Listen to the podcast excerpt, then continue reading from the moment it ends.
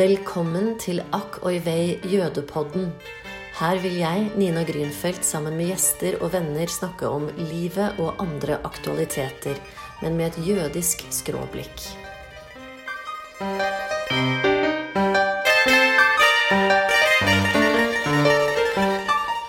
Første episode av denne podden vil jeg dele en samtale med dere lyttere.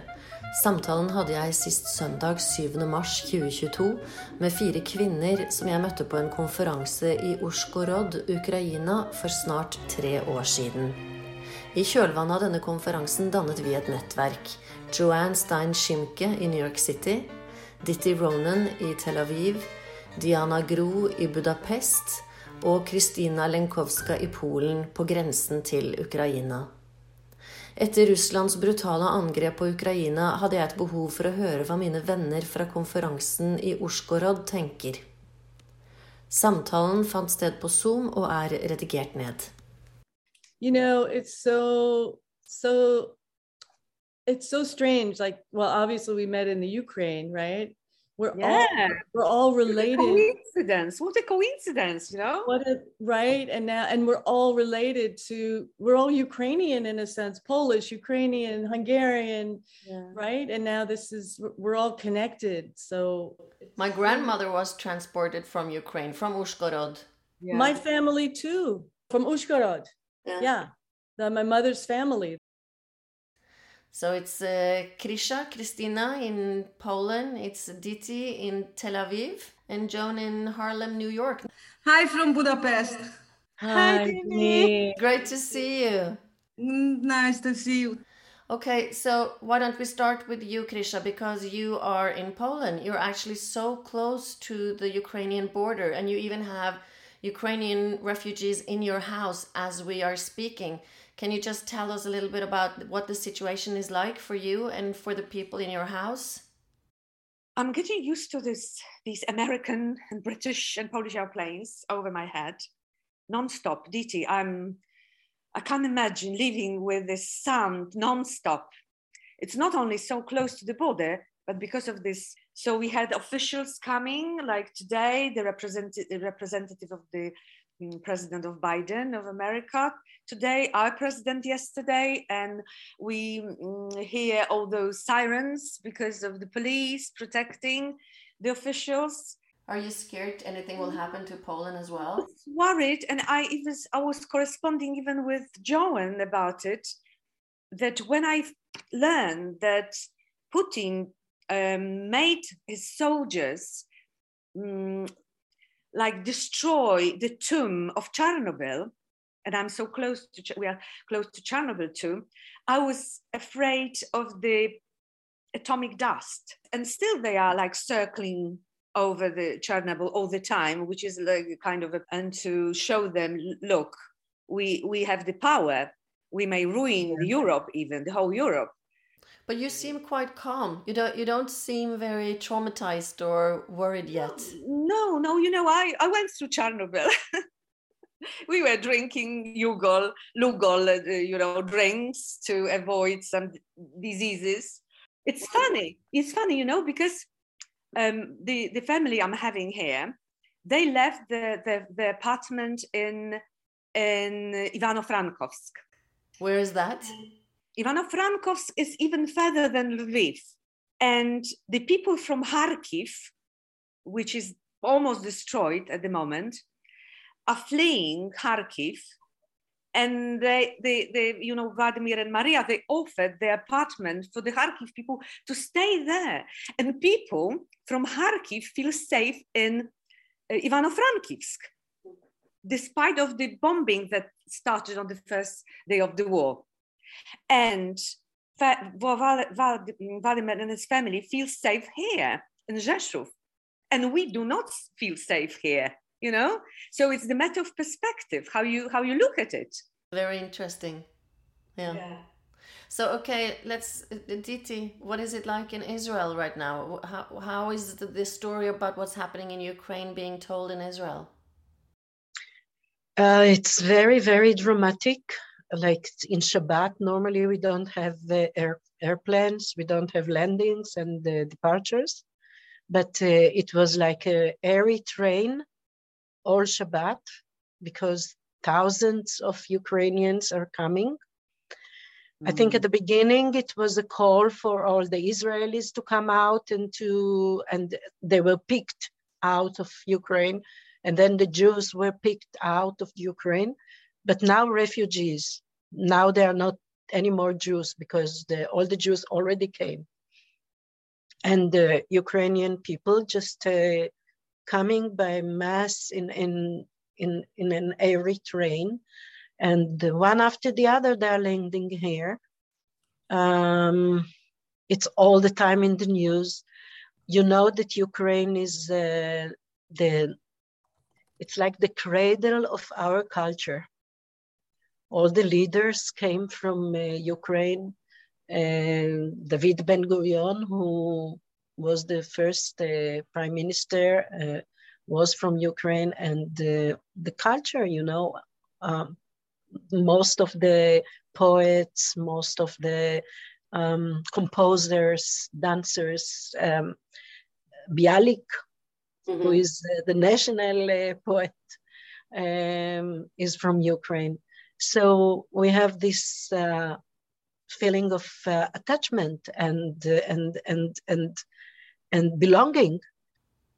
You know, they they they bombed the the symbol in Babi Yar. They bombed yes. Babi Yar, and that Babi Yar was the place where there was this huge massacre in 1941, I believe, where they killed 30,000 Jews or more just in a couple of days.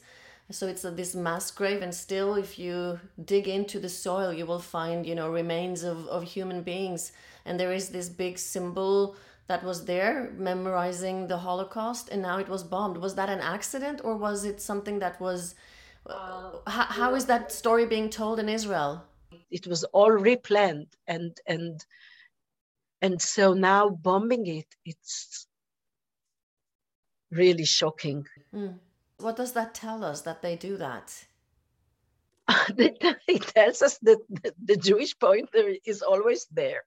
I believe they have all the, the skills and the tools to direct their bombs to the right aim and not to the wrong aim well but still we, we always know that there are casualties and you know that they miss the at least that's a big discussions here how accurate are actually the bombing. And would for instance Babi Yar i mean fortunately at least we're not talking about people being killed but it's just it's very strong symbolism in the thing that's happening. And would that be something that was wanted or was it accidental? But i think they were trying to bomb a tv station tower. Yeah so it was supposed to be like um, an attack on something strategic for the Russians, and instead it it also they hit the tower, but then they also hit the memorial site. So I don't think they were aiming to hit this memorial site. I think it was, you know, but that's the problem with war and and bombings that are supposed to be strategic. You can't always have things go exactly as you want, right? So Joan how's the the war being narrated in in the states? Well, it's on every station. I think people are just completely horrified. You can, you know, it's on CNN, it's on, it's on even Fox, it's on the New York Times, it's it's on everywhere, and it's just shocking to be able to see the war happen in real time, even so far away as the United States.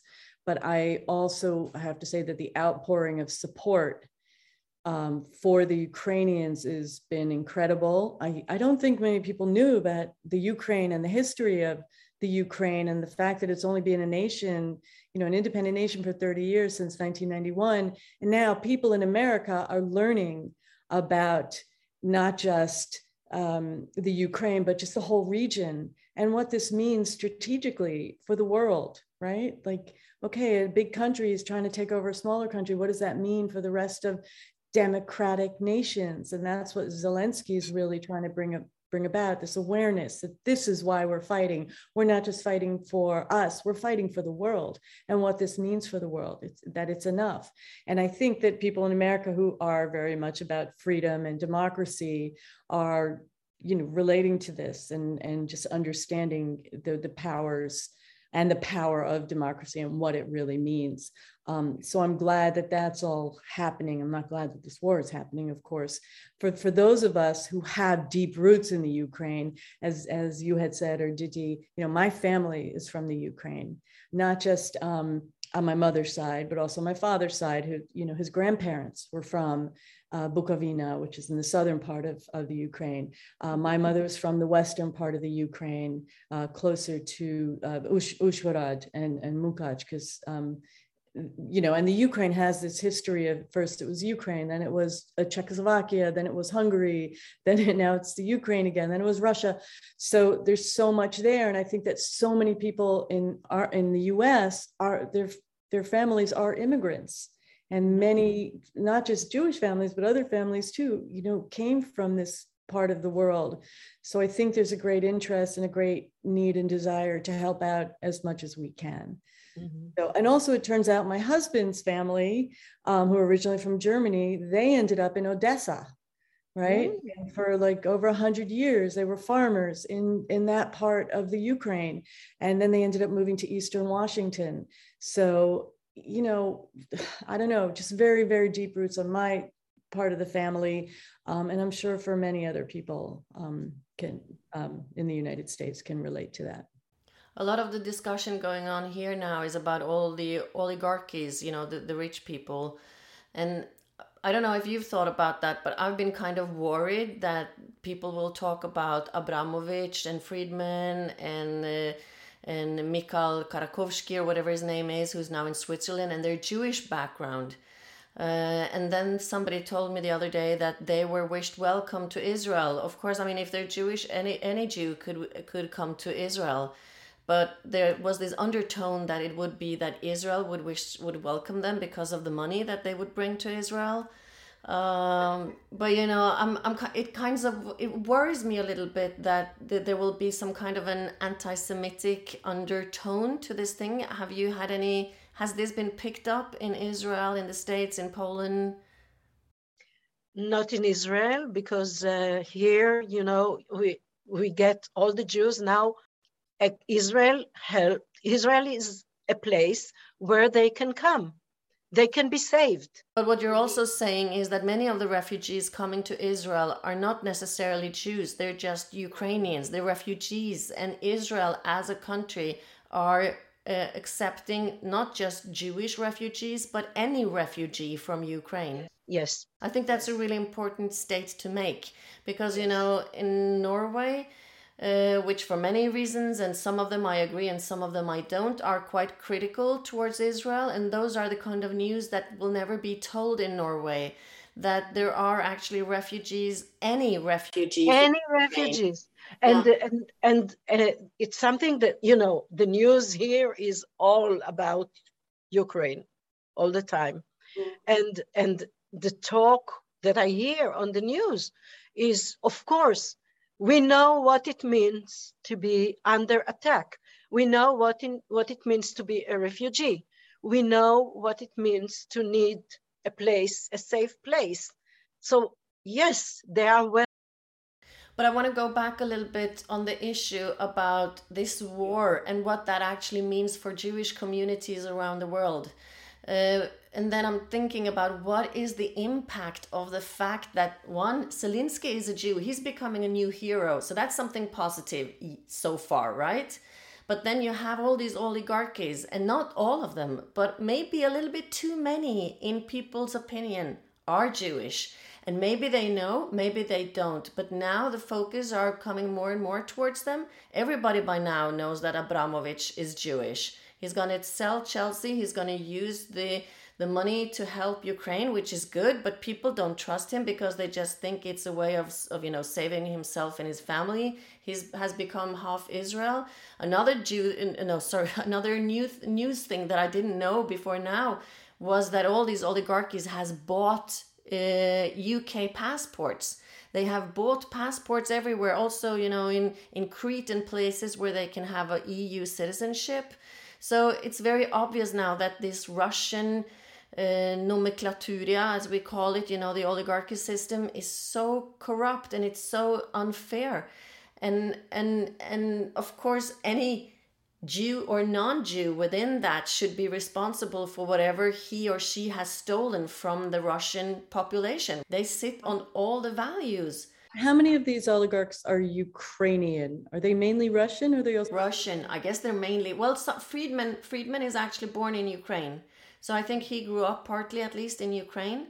He has actually been critical towards Putin, and he was first. Of course, this Mikhail Kolakovsky, he was the first one, right? So he was in prison for about 13 years and he lost all his fortune, and now he's in Switzerland. Like, what I'm trying to emphasize on is what is the impact for the Jewish world that this war is going on? Is it maybe it's not going to mean anything, or will there actually have a consequence? I mean, what we know is that the Russians has always been anti-Semitic. Ukraine has been a huge anti-Semitic country. Of course, not everybody, but we know the story. Our grandparents, our families were killed there by the Nazis and by the Ukrainians, by the Nazis and by the Russians you know jews get killed and when there's a war and when there's a conflict the jews comes in between either because they are the hero like Zelensky suddenly he will be killed too but not only because he's the head of of ukraine but also because he's a jew.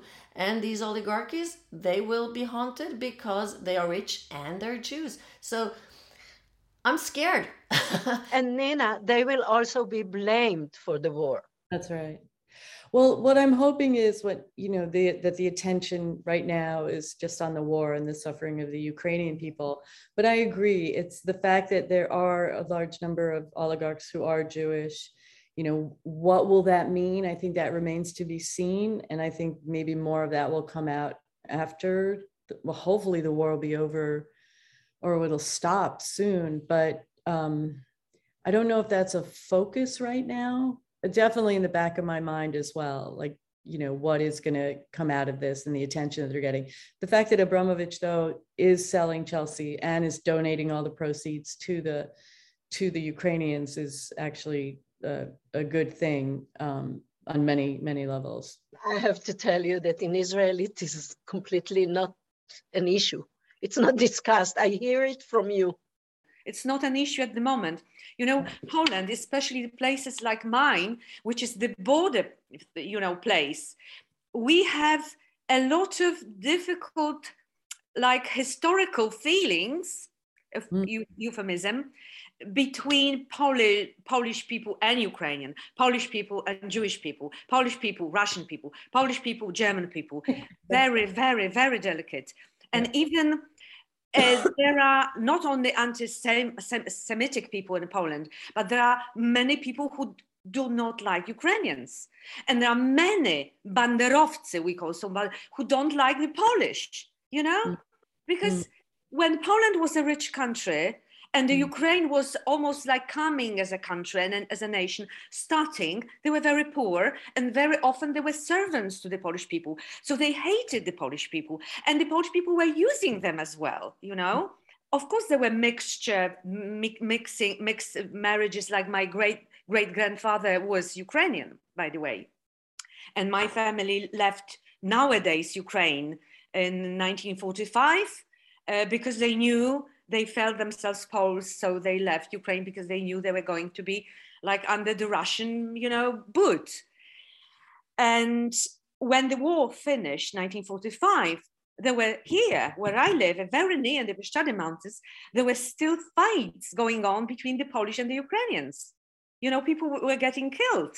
But now, when the war started, despite the fact that we accepted Ukrainians about millions of them during the last 10 years, they came here to work, of course, and they are welcome. But now almost 8,100, so close a million, hmm. you know, refugees are coming here.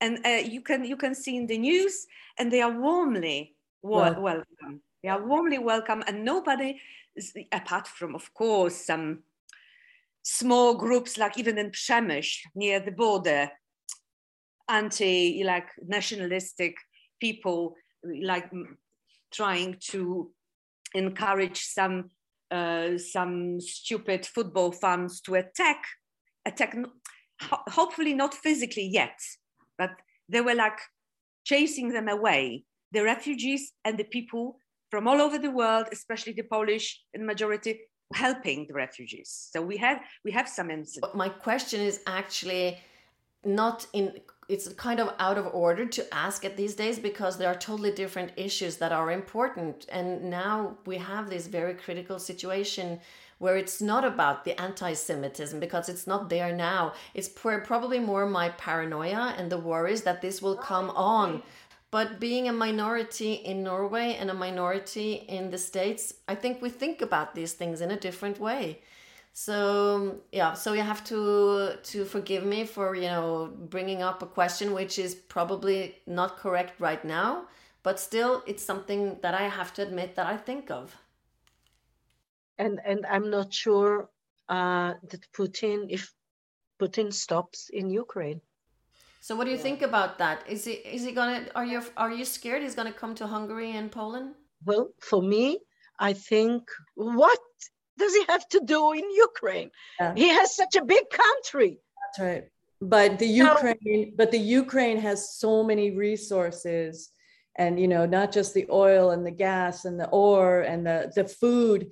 I mean, there's so many eh, and the power you know the there power is, there are, but but i just don't understand and when it first started happening i don't understand putin's end game like what does he want at the end of this you know like when is he going to stop so that's what we worry about here in the us and so for example you know i know zelensky needs that no fly zone but we can't do that in the US, right? Because we're we're part of NATO and they're not part of NATO. So if we do that, that's an outright declaration of war. No, so it, so it's like we don't even know like I've what just got this, you know, because what the Ukrainians are expecting from the world, from the Western world, please close the skies and save Ukraine of course. I mean, what what what the Jews wanted in 1942 to 1945 was to bomb the railway to Auschwitz. We can never forgive the Allies for not bombing the railways to Auschwitz. But of course, you're right. If we do that, he might be so crazy he will attack the NATO countries. We don't understand his endgame. We don't understand where he's coming from you know the only thing we can pray is that there are somebody inside the kremlin who is brave enough to put a bullet between his eyes ah, that's that's an idea i hope so. I, I i mean i pray every night. He's i mean he is insane. He doesn't listen to anybody else but the three or four close um advisors. It's so scary. Who do whatever he says. Yeah. The cook who travels with him for many years and he the cook is always the first to eat, eat. Before, before he tries the food I think, you know, and, and what he does is he turns everything on its head. Like right now, he's declaring a no fly zone over the Ukraine. So you see, it's like the escalation. And that's what's so terrifying. And and mm-hmm. and it, it is putting the US in this position of what what can we do without destroying the rest of Europe? What can we do to save the people? I have no, I feel so helpless. Like I, Krystina and I have been in touch, and I'm like, should I come to Poland? Did my research for my book. I had this helper in Uzhgorod, and he escaped to Hungary now, and he has a wife, and he's really sick, and he has two children. And I sent him some money. He was really thankful, and uh, he said, "I have to go out to look for work." Yeah, the question is whether they have enough food to buy. I mean, and what what I see is that they they are short of food, and even if they have money, right. what can they do with this money if everything is destroyed around and the, the infrastructure is destroyed? So and it's freezing cold. Yeah, yeah, and it's freezing cold. Because I wanted to add some Russian context here. I have a friend in Russia um, who is a poet, uh, Elena Dunayevska, and she lives in Petersburg. And she's, she still ha- has her Facebook open. Oh. It is very important because they say the me- independent media in Russia are closed. All of them, the official media, but the, the Facebook is still open. But up till yesterday, they could give me a like when I was writing like Putin idi nahui. You know idi nahui? this this is fuck off but it is very famous now in, in, in Ukrainian. There are road signs everywhere in Ukraine and in, in Poland. Everybody says, mm-hmm. Idi nahui, Putin, Idi nahui.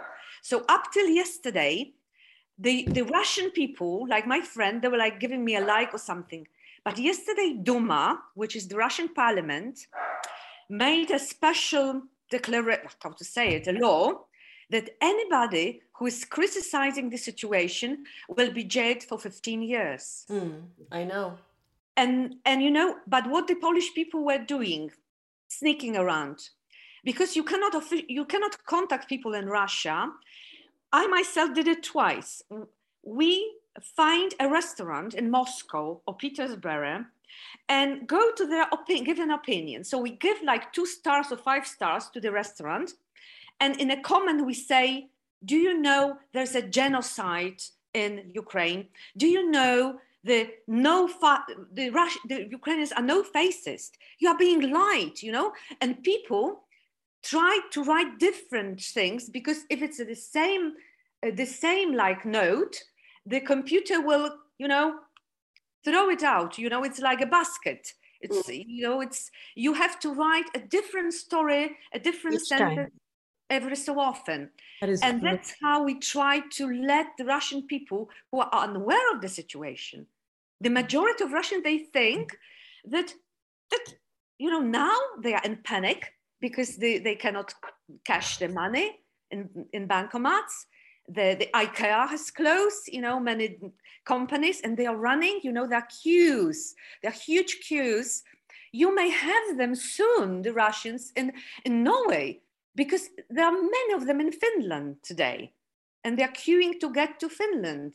We also have a Russian border in the north of Norway. There's a Russian border. Yeah, you see? And we have also the Belarus people who do not accept the war Exactly. They, they are expect, expect, you know, escaping Belarus. So there are also refugees from Belarus in here. And I, I think, you know, now we're facing all the refugees from Ukraine, but eventually there will be refugees from Russia and, and Belarus as well. That's very true. Krystina, that is brilliant. Yeah. And what a way to get information across. Yeah. But will they will they believe it? You know i, I actually when i demonstrated today i went together with a, a, russian woman who's working for a human rights organization and she's been one of the main um, commentators in norwegian television the public broadcasting television and radio during the last few days.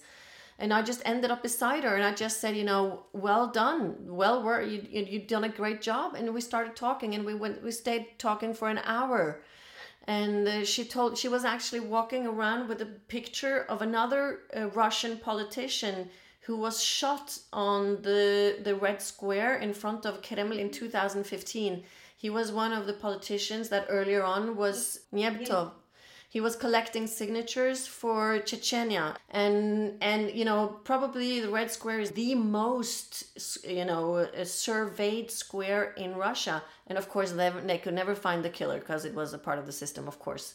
So she was actually walking around with his picture rather than my point I guess was just that what was my point uh, I don't remember anymore even where I started. No, you you talked about the the woman that you uh, talked with. Oh yeah, yeah, of course. It is about the situation in Russia today and how people. I mean, Putin is getting paranoid, but as the the the Russian uh, population is being you know pushed together as well, they also get paranoid.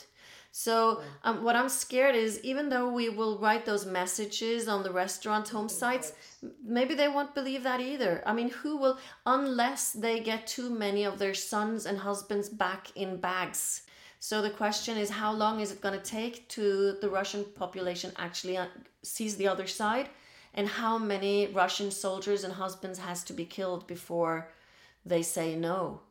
And here we are reported that uh, the, the Russian soldiers that uh, are that are uh, uh around uh, Kiev, they don't even know that they are exactly. on this mission, yeah. and they are tired and hungry and thirsty, and uh, and their mobiles are not working, and even one killed an Ukrainian guy in the street for the mobile because he wanted to call his mom and said, and you know, we have even recordings of the Russian soldiers who are crying and they are recording themselves when it was still working.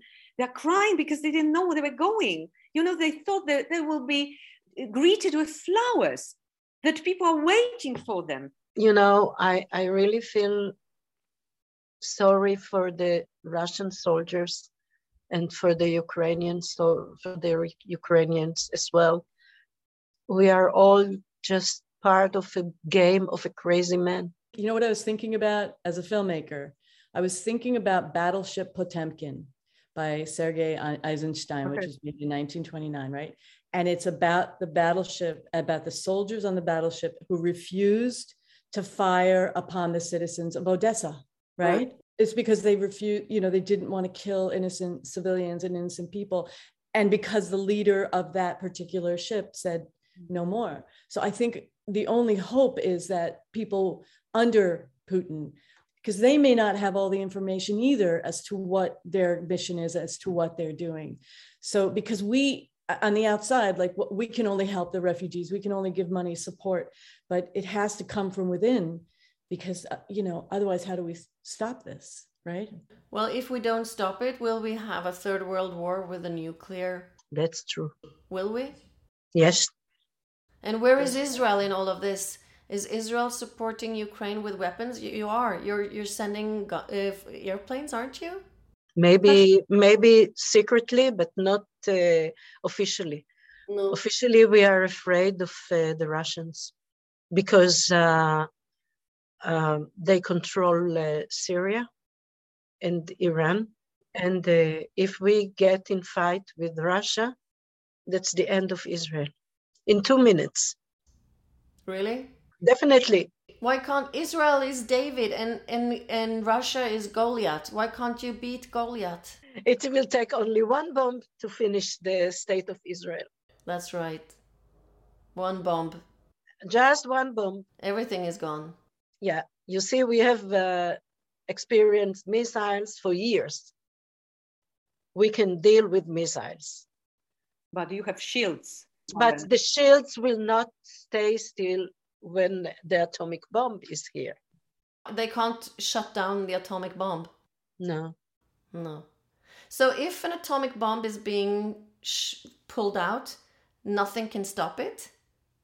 Another atomic bomb? Can they meet up in the sky and kill all the universe? I don't know what happens then. I mean, is that is that is that even possible? I don't know. I'm I'm not into these uh, you know, thoughts, but I know that uh, Israel officially does not support Ukraine, unfortunately. And, and it is said that it is unfortunately. What do you mean? Israel does not. It is said officially that unfortunately we cannot support Ukraine. Yeah, okay. I get it. Yeah, officially. We don't know we, we don't know what happens unofficially. That's right. We don't yeah. know what happens under the the cover, but yeah. officially it is completely like we don't want to get in mess with the Russians because his strategic is first to conquer Ukraine, then to settle down in Ukraine, and from there to go on. Look what Hitler did. He didn't do it in one day. Mm. He made it piece by piece. Yeah you know, I don't envy the diplomats from around the world who have to make these really difficult decisions, like to be responsible for figuring out what the world order is is going to be. I because yeah, what what is to be done? And mistakes, a lot of mistakes. Yeah, their body language was a mistake. Mm-hmm. You know, Putin would never appreciate people being friendly. He never. thinks being friendly means accepting that's you right. know, smiling means accepting and appreciating and even admiring. Mm-hmm. He's, uh, you know, he is crazy. He wants to be the czar of at least big Russia, yeah. and the and the, the church in Russia supports him. So he can imagine himself having this crown like a tsar one day. Mm-hmm. And talking about Ukraine, he despises Ukrainians.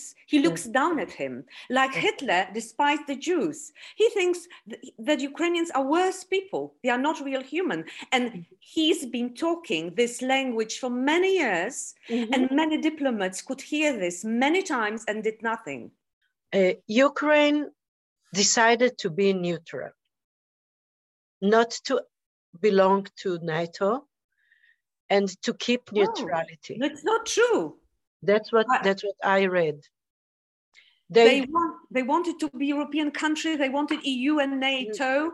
Only, this, only later, but not but not at the first. They they they wanted to be in peace with Russia. Yanukovych. He was okay. the of Russia. Okay, yeah. many reasons, but yeah. at the end of the day, they kept themselves, you know, be in peace with Russia and be in peace with the rest of the world, which means, you know, not to act any action.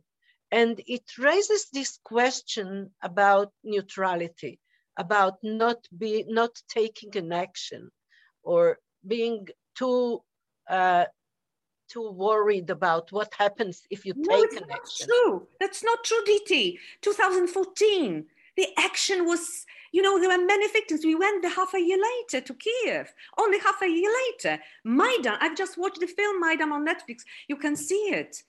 You know, and Yanukovych, uh, after 90 days of the fight, had to escape in a helicopter. You know, Yanukovych and only his generals pretended to be neutral, but the people didn't were not neutral at all. They're fighting like hell. Mm. Okay, but who makes Krystina, Krystina, are you saying then it was a mistake for the Ukraine to want to become part of NATO? Because that sort of rattled. Uh, mistake. They simply were trapped. Even yeah. when the Soviet Union finished, yeah, the, Russia was clever enough to send then Yanukovych was, you know, you remember the palace of Yanukovych, all in gold yeah. when eventually yes. the Ukrainians, yeah. you know, finish his ruling. Yeah. He was the Russian guy. And he pretended Ukraine was democratic. Right. It was it hasn't been democratic for since since the very beginning almost. Okay. That's right. Everything has changed. And now I think all the Ukrainians find Zelensky as a hero, as a persona. It has changed so much. But after Jesus, Zelensky will be the second Jew where all the, for, uh, all the world will celebrate as a hero. Really, I'm really so happy for this. And actually, I really admire his patriotism. I am not sure I could do the same in my country. I'm so happy that it's recorded, Nina. you know what I am saying? So it's even even can change also the question of anti-Semitism, also the, the question of racism and xenophobia, because Zelensky, I think he's, uh, the way he's speaking, the human way he's speaking, I mean, never ever seen before a politician yeah. speaking like this by heart all yeah. of them yes. from the liberal to the conservative parties my experience was from my very childhood that every every, every time i could hear that they are kind of uh, reciting a text you know and it doesn't come the the words not, that don't come in a human way and zelensky you know just really Wow, I think he's a really hero. But you are our representative in Budapest. So tell us what, what is what is the situation like? Tell us a little bit about Orban and how the situation is. Okay, so uh, what we uh, what we face that actually to Budapest there are less refugees are coming so on the uh, arriving because on at the train station mainly uh, those people arrive who want to who, who want to get a flight somewhere else to connect their families. Uh, many people are uh, at, the, at the borders and they are, uh, but what I feel, because we will have uh, election in April, that actually the opposition became stronger and stronger.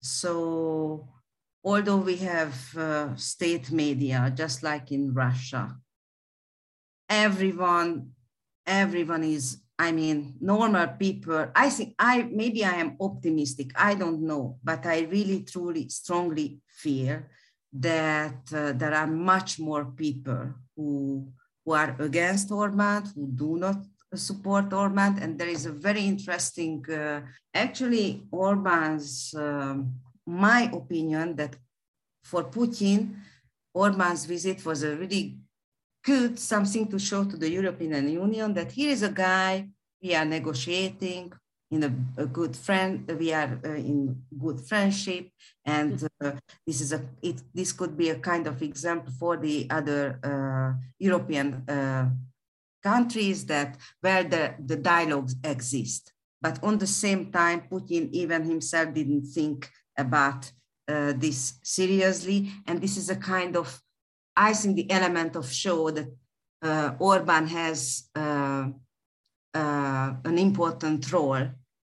He has he, he doesn't count. I think he doesn't count here, and he even doesn't count for Putin. I don't know if you you understand what uh, what I am saying. Hungary is a very little country, so actually, also I tell you sincerely, all my friends, people around me, I know they are thinking how to move from here. We are not at the moment in danger, but actually, if, if Putin uh, succeeds. Yeah, because what I hear from uh, Dini is that uh, after Ukraine, Hungary comes.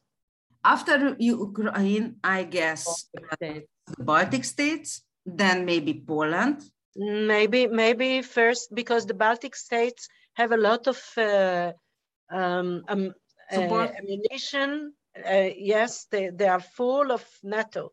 For Putin, after Ukraine, he goes into Hungary and he's in the center of Europe. Yeah, actually, I tell you really frankly, everyone is thinking where to go now. We were thinking about where to go to Berlin, to, to, to Vienna, yeah but not only me but everyone around me thinking about uh, uh, where to go. where to go to prepare the passports. Not just prepare you have to go because you know we learned that the sooner you go the better. Somehow i really i i really uh, think, or I maybe I just do hope that uh, that people in Europe now quite united and. Uh, are you afraid, Diana, Dini? I mean, when, when Diti says that she does, better sooner than later, what does that make you think? This is a, uh, this is a common topic, just like the Holocaust. You know, even on Christmas we are talking about the Holocaust, and also when to when to prepare the suitcases. So it's uh, actually today, did you follow the news that Bennett is visiting uh, Putin? Did he, you know that? Uh, no, I didn't know. Who's I, I, am here not on the news. Who? Who did? Who did he? Prime Minister, Israel. Prime Minister, Israeli Prime Minister, which yeah. is very good news. I think for me, it's a very, very good news because he might, I think, uh, uh, convince. I don't know how, uh, you don't you don't think? Diti. Be clear dini. Why do you think it's a good idea that he's there? And diti tell us afterwards why you think it's not a nothing is going to come out of it. Uh, first of all uh, in ukraine uh, there are many jewish people really. The jewish population was really high even after the war war. Uh, we were talking about that Zelensky is a hero uh, now, independently if he's Jewish or not. But in this, uh, in this, uh, uh I mean, concerning this, uh, I think it's important. Why? Because Zelensky himself can prove that actually anti-Semitism does not, not Nazism does not exist in Ukraine. Also, escaping Jewish uh, uh, people from Ukraine to Israel. Now, hundreds uh, are escaping, uh, arriving from Ukraine to Israel. They say, and they can uh, confirm that actually they had not faced uh, anti-Semitism, for example. You know, mm-hmm. so this is a kind of key a card in in in Bennett's hand to convince him. I don't know. Maybe I'm naive. I'm not politician. You are naive. But you know, actually, I, ju- I just looked it up here on. It actually says on the internet that according to European Jewish Congress, there's between 360 and 400,000 Jews in Ukraine today. I, I, I didn't know. I didn't know there were that many Jews left. Uh, I think uh, Putin has interests in Israel, so he agreed to accept Bennett He's or he also wants to keep his interests in Israel. It's really a very strategic location where we are. So, like this, we can be destroyed. Uh, it's better for him to, you know, to try and see if he can uh, use this connection for his own uh, benefit.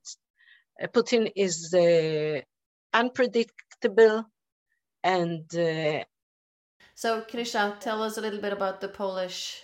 When the war in Ukraine started Kaczynski disappeared. Kaczynski and his court you know you, you, you don't see him in the media any, anywhere. But the, the Poland is represented the for the time being by the president which is the right wing as well uh, our Andrzej Duda and we call all of them the regime guys. But in fact, the two one who are the, like representing Poland for the time being are helping Ukraine.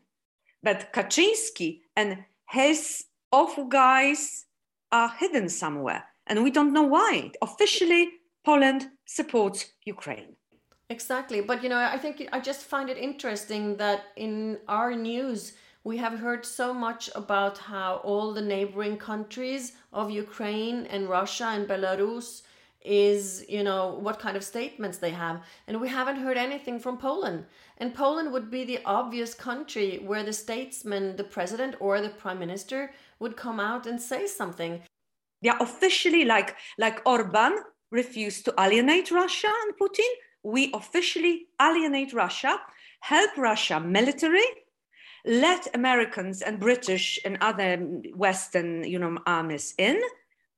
Uh, we let all the Ukrainians in with a great help, especially on the part of the common people, obviously.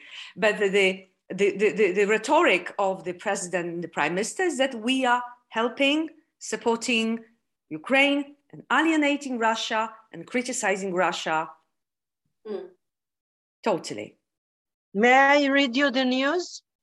Yeah. First on first on the news, Israel will establish a field hospital in Lviv. Um, next week, which is a very big uh, field hospital. In uh, Lviv. It will have uh, diff different uh, departments for children and adults. Um, also trauma, uh, giving birth, labor, and first aid. Um, so that's the like the top news in Haaretz. And I tell you, I was very, very angry when the first reaction of the European Film Academy was that let's boycott, let's boycott the Russian filmmakers. I so angry. The same anger I felt in May when Israel was bombed by the Hamas rockets rockets and uh, the for Amsterdam Film Festival, what I really like and love and appreciate. The first reaction was that let's boycott Israeli films. And I said, come on, Israeli films are made by Arabic and Israeli filmmakers. They are activists. They are all activists. But you know, I, that that is actually not what is happening here because we're having huge discussions about that as well. And of course, Norway is a sports nation, and we have banned all the sports, so Russian sports cannot come here. Which I am. But what they're saying is, when it comes to the arts and when it comes to music and literature, we should keep a dialogue. So I, I, it seems to me that this is not actually going to be a big issue, at least not here in Norway or in the Nordic countries. But what I want, my last thing I wanted to take up is we had a plan to meet in Berlin in April. Is that going to be possible at all? I mean, one thing is for individually for each and one of us, but now there's a war going on. I think I'm, I think I was afraid, you know, what's going to happen, how big is it going to get, but also will I be able to get home? But so I might have to go through Norway or something. So I would love to go. I'd love to see all of you in person. And um, may I just ask all of us before we uh, say bye, just to say a pray for peace mm-hmm. and for none for the people all over the world, both Russian and Ukrainian and everybody else, yes. not to suffer and to have peace. Thank you. Amen. Amen. Thank you too. Bye. Bye. Bye. Bye. Bye. So hard.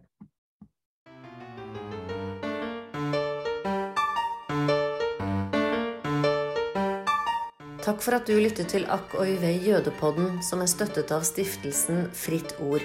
Musikken er laget av Jens Wendelboe.